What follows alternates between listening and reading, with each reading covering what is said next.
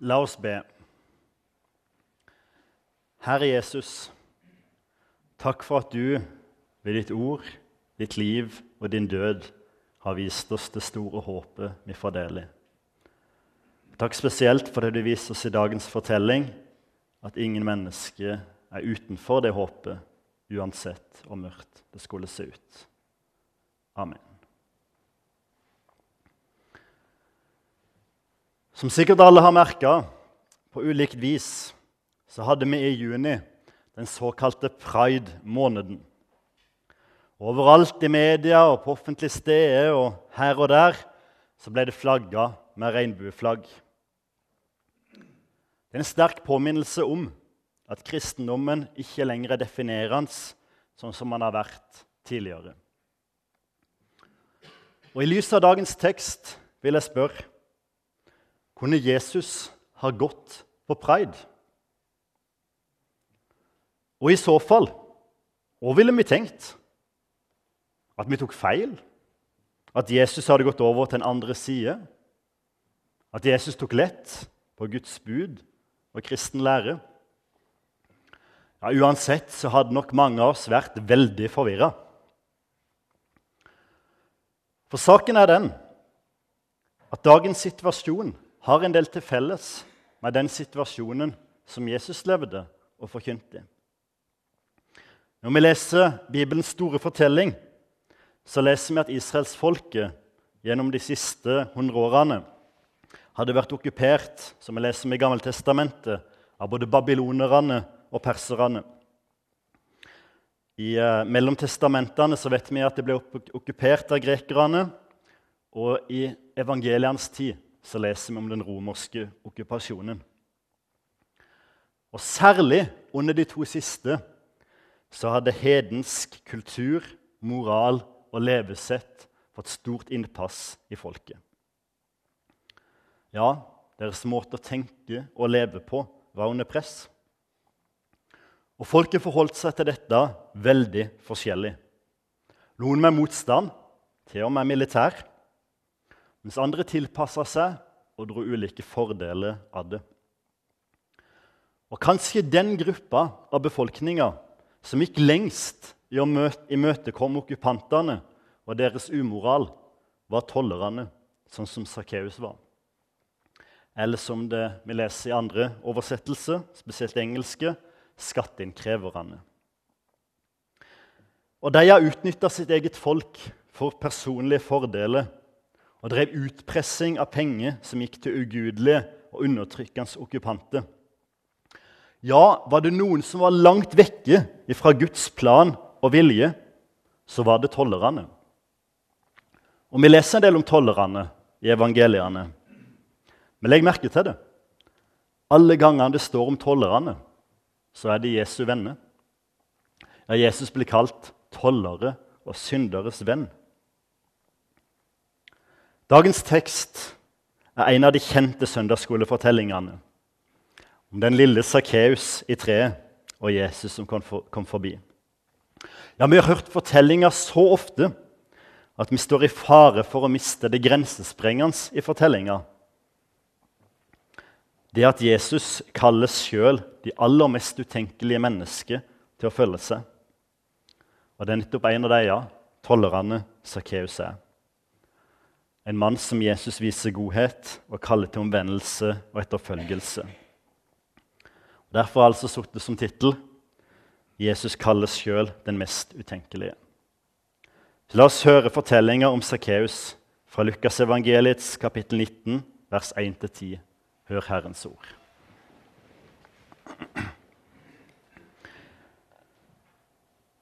Han kom inn i Jeriko og dro gjennom byen. Der var det en mann som het Sakkeus.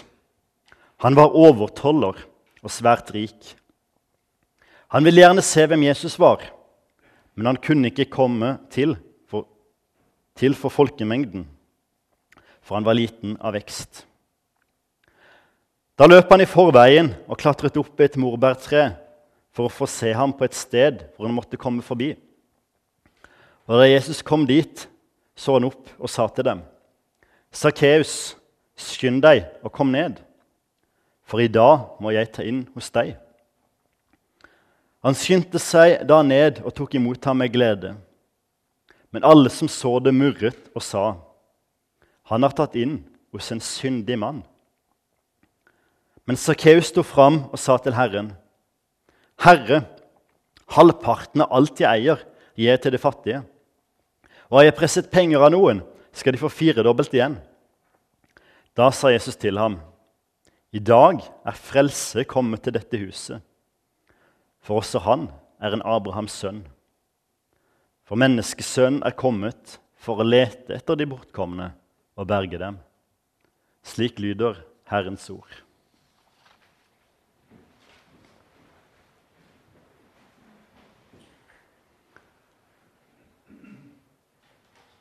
Ja, Jesus kaller sjøl den mest utenkelige.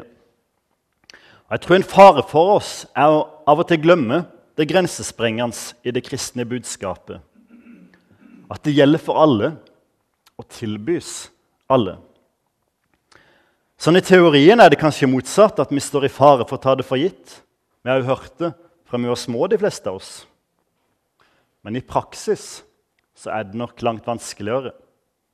Det kan være betydelig avstand mellom liv og lære. For trangen til rettferdighet ligger så utrolig dypt i oss. Det ligger noe i oss som vil at det skal bli, gå godt med de gode og dårlig med de onde. At den som har gjort noe galt, skal få fortjent. Og I seg sjøl er det en god ting. Gud er rettferdig. Og når vi er skapt i Guds bilde, så er det noe i oss som ønsker det samme. Men faren er om denne trangen etter rettferdighet ble noe som stenger for nåden. Sakkeus hadde gått i to spann med fienden. Han hadde misbrukt sin posisjon til egen fortjeneste og pressa folk for penger. Det er fullt forståelig at folket tenkte at han, trengt, at han fortjente straff og forakt. Men allikevel det var hos han Jesus kom inn og hadde fellesskap med, og folk murra. I en kjent salme som riktignok ikke vi har satt opp i dag, så synger vi 'Pris ham som nåde ga for rett'. Ja, det er litt enklere å synge enn å gjøre. For rettferdighet er ofte så mye lettere for oss å vise enn nåde. Og særlig hvis det er noen vi misliker, og enda mer om det er oss de har gjort noe galt mot. Folk hadde lenge venta den lovende, lova Messias, redningsmannen. En redningsmann som de tenkte skulle fri dem fra undertrykkelsen. Ja, fri dem fra det Sakkeus representerte. Og Da er det jo naturlig at forventninga var at han skulle straffe Sakkeus, ikke ha fellesskap med han. Med det som bakgrunn så er det forståelig, det vi leser om i teksten. Men alle som så det, murret og sa, 'Han har tatt inn hos en syndig mann'. Legg merke til i teksten at det står 'alle'. Det står ikke bare fariseerne og de skriftlærde. De murra stadig vekk om over det Jesus gjorde og sa. Men alle. Både folkemengden som var interessert i hva som foregikk, og disiplene som var med Jesus. For det Jesus gjorde, var utrolig og provoserende. Vi vet ikke ut ifra teksten hva som var grunnen til at Sakkeus var interessert i Jesus. Men vi kan gjøre oss våre tanker. Sakkeus hadde penger, makt og prestisje, men betalte en høy pris for det. Fra andre kilder så vet vi at tollerne og andre som samarbeida med okkupantene, var utstått fra synagogen, gudshuset, og ble sett på som ureine. En skulle ikke ha noe med dem å gjøre. Ja, Sakkeus hadde makt, prestisje og penger, men det var kanskje òg det han hadde. Videre i Bibelen så er det sånn at navn har stor betydning for fortellinga og hvilken rolle menneskene spiller. Og Tro det eller ei, så betyr Sakkeus rein eller from. Altså det motsatte av hva Sakkeus i begynnelsen av fortellinga representerer. Ja, når foreldrene hadde sin navneseremoni og omskjærelse, så hadde de nok litt andre tanker for han enn det som hadde, han hadde endt opp med når vi møter han i denne teksten. Og Denne dobbeltheten med navns betydning finner vi flere plasser i Lukasevangeliet. Vi kjenner fortellinga om den rike mannen og Lasarus. Og Lasarus betyr 'Gud har hjulpet'. Og I fortellinga ser det ut som Lasarus ikke får noe særlig hjelp. Han lever i elendighet. Og allikevel han ender i glede i himmelen, mens den rike mann lider i dødsriket. Og Sånn er det òg i fortellinga vi har i dag. Når vi møter Sakkeus, så er han alt annet enn ren og from. Men han ender opp med å leve opp til navnet sitt. Kanskje er dette òg en grunn til at Sakkeus ville se Jesus. At han innså sin tilstand, at mye ikke var sånn som det burde. Livet var ikke godt sånn som foreldrene hadde tenkt. Kanskje han sjøl òg hadde tenkt. Og Fortellinga om Sakkeus har òg en parallell i ei fortelling som kommer rett før i Lukasevangeliet. Fortellinga om den rike unge mann, som på mange måter er denne fortellinga snudd på hodet. Han begynner forskjellig, og han slutter forskjellig. Den rike mannen har fulgt Herrens bud fra han var ung, leser vi. Men han ville ikke skilles fra pengene sine. Det var hans herre.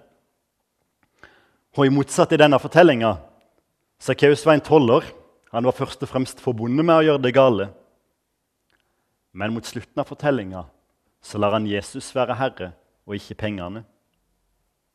Og Det leder over, over i det andre poenget, da, at Jesus er herre overalt. Sakkeus hadde valgt pengene, men han var allikevel fattig. Han hadde valgt å tjene feil herre. Og Gjennom hele Bibelen så ser vi denne synden i forskjellige former. Avgudsdyrkelse. I Det gamle testamentet skjedde det rent konkret med at de lagde gudebilder av tre og steiner. Men òg i Det nye testamentet så leser vi mye om avgudsdyrkelse.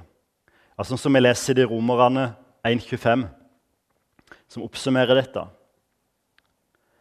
De bytta ut Guds sannhet med løgn og tilba og dyrka det skapte istedenfor skaperen. Ja, det var dette som Sakkeus hadde gjort. Han hadde valgt å leve for makt og penger i stedet for å tjene Gud. Og Bibelen advarer stadig mot dette, tydelig som vi kjenner de versene fra Matteus 6,24. Du kan ikke tjene både Gud og mammon. Ja, penger og velstand har så lett for å bli en avgud. For det med å dyrke makt og penger som det er med all annen avgudsdyrkelse. Ja, det er som å drikke saltvann. Jo mer du drikker, det tørstere blir du. Og jo mer du får, det mer vil du ha. Avgudsdyrkelsen har ingen ende, og vi vil ha mer. Det være seg om det er snakk om penger, makt, status, underholdning eller nytelse. Og Dette står i så stor kontrast til den sanne gudsdyrkelse, som gir tilfredshet og fred. Og kjernen ved det å sette det skapte i sitt rette sted. Av og til blir Bibelen feilsitert, og den sier at penger er roten til alt ondt. Men det er ikke det som står. Nei, det står kjærligheten til penger er roten til alt ondt. De materielle gode og muligheter penger representerer, er ikke noe ondt. Nei, det er en Guds gave til vårt beste. Problemet er om vi gjør sånn som det står i romerbrevet, og dyrker dem og setter dem i Guds sted. Penger til bekymring for fattig og for rik, synger vi i en folkesang. Det er noe i det. Det er mulig å eie lite og fortsatt ha penger som herre. Og det er mulig å eie mye og sette penger i sitt rette sted. I Luthers lille forklaring til det første bud så leser vi det er vi skal frykte og elske Gud over alle ting og lite fullt og fast på ham. Det er så fort for oss å sette penger i stedet for Gud i denne posisjonen. Og satse på at det er eiendom, forsikringer, lønn og avkastning som skal gi oss trygghet og glede. Og bare tenke at har vi det i orden, ja, da er det bra. Her er det verdt å holde fram bibelordet om Guds frykt med nøysomhet fra 1. Timoteus 6,6. For, for nøysomhet handler på mange måter om det. Å la penger være penger, og la Gud være Gud. Og vi leser ja, Guds frykt med nøysomhet er stor vinning. Og Når vi tar fram det bibelordet, så bør vi oppklare en misforståelse. For begrepet om nøysomhet er dessverre ofte misforstått og misbrukt. Det er forstått som en form for selvfornektelse med et asketisk fattigdomsideal og i forlengelsen et nei til glede. Og det er jo det motsatte av hva som ligger i jordet. Det greske ordet for nøysomhet er avarterkeia, og det betyr rett og slett å nøye seg med noe. Å være tilfreds med det du har, uten å hungre etter mer. Og det er jo rikdom.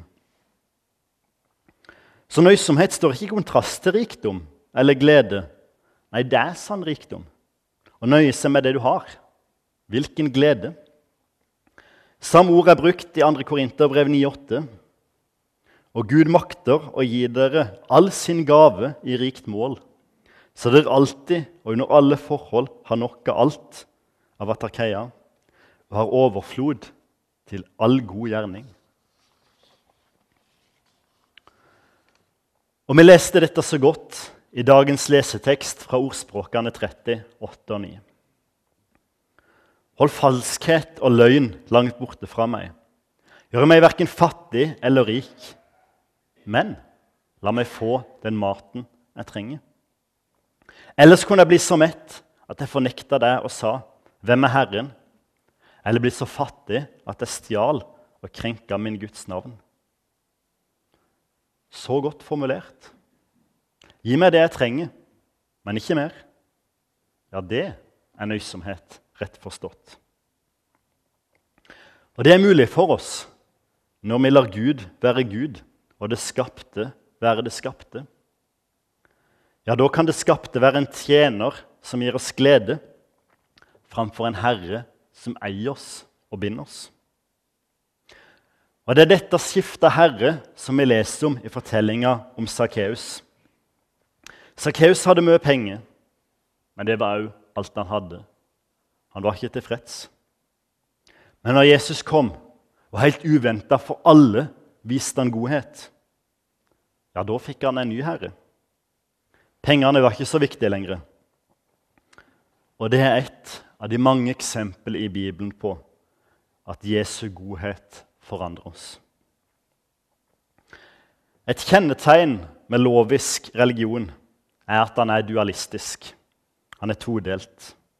Det er de gode, og det er de onde. Det er enten-eller. Det er innenfor og utenfor. Oss og deg. Sånn er det ikke med oss mennesker. Vi er litt alle begge deler. Vi er både syndere, og vi er skapt i Guds bilde. Derfor er det sånn at vi delvis tilber Gud, og delvis tilber oss sjøl og det skapte. Og Jesus bryter med og konfronterer denne todelinga. De som tror at de har alt på stell, fariseerne, de skriftlærde, de går han brutalt i rette med. Og de som bekjenner sin ondskap, inkluderer han og møter med godhet. For det å dele mennesket i enkle kategorier er noe som faller så lett for oss. Og igjen, for å gå tilbake til det jeg begynte med, den siste måneden har vist oss det. Det skulle ikke mye til før Åge Hareide var utenfor det gode selskap etter å ha uttalt seg kritisk om pridemarkering. Det var enten-eller. Det var for eller mot. Det var oss og deg. Står vi i delk i fare for å gjøre den samme todelinga med andre veien? Og sånn slår følge med deg som murra når Jesus tok inn Sakkeus. For Jesus så var det ikke sånn. Vi er både syndere og vi er verdifulle for Gud. Han tar ikke lett på vår synd. I Jesu øyne var det Sakkeus hadde gjort, svært alvorlig. Og likevel er det han vi leser om at Jesus viste godhet. Er det rart at Sakkeus blir forandra for livet av møtet med Jesus? Og hvilken forandring? Sakkeus snur fullstendig. Og I stedet for å presse folk for penger så tar han oppgjør og gir tilbake det han har tatt fra. Han gir halvparten av den eier til de fattige. Ja, han er en fullstendig forandra mann. Og Sånn forandrer Jesus òg mennesket i dag. Òg mennesket der en ser det som helt usannsynlig at det skulle skje. Jeg kjenner flere av dem. Kanskje det er noen her i dag som har hatt det sånn. For det er ingen todeling. Alle trenger vi Jesus. For de fleste så er ikke forandringa like stor som hos Sakkeus. Du har kanskje levd som kristen hele livet og syns at sånne omvendelseshistorier er noe litt skremmende fremmed. Og likevel, som sagt, så er det ingen todeling. Og òg du kalles til daglig omvendelse og forandre deg, sånn at Gud blir herre i stadig mer av ditt liv. Sånn at du kan leve til hans ære og til det beste for deg sjøl og dine medmennesker. Så for å avslutte Dagens tekst kaller oss til praktisk omvendelse. Enten vi som Sakkeus, eller med de som murra når Jesus var god mot Sakkeus og inkluderte han. Ja, vend om og glede over Guds godhet. Om du er som Sakkeus og har gjort galt mot noen, så gjør opp. Be om tilgivelse og bøt på skaden om du kan. Gjør som Sakkeus og vis at Gud er Herre og at alt det vi har fått, er gitt oss for å tjene Han. For Guds nåde gis oss alle, sjøl den mest utenkelige. Og det er noe å virkelig glede seg over. For nåden har kraft til å forandre oss sånn som Gud vil. Ære være Faderen og Sønnen og Den hellige ånd, som var, er og være skal, en sann Gud, velsignet i evighet. Amen.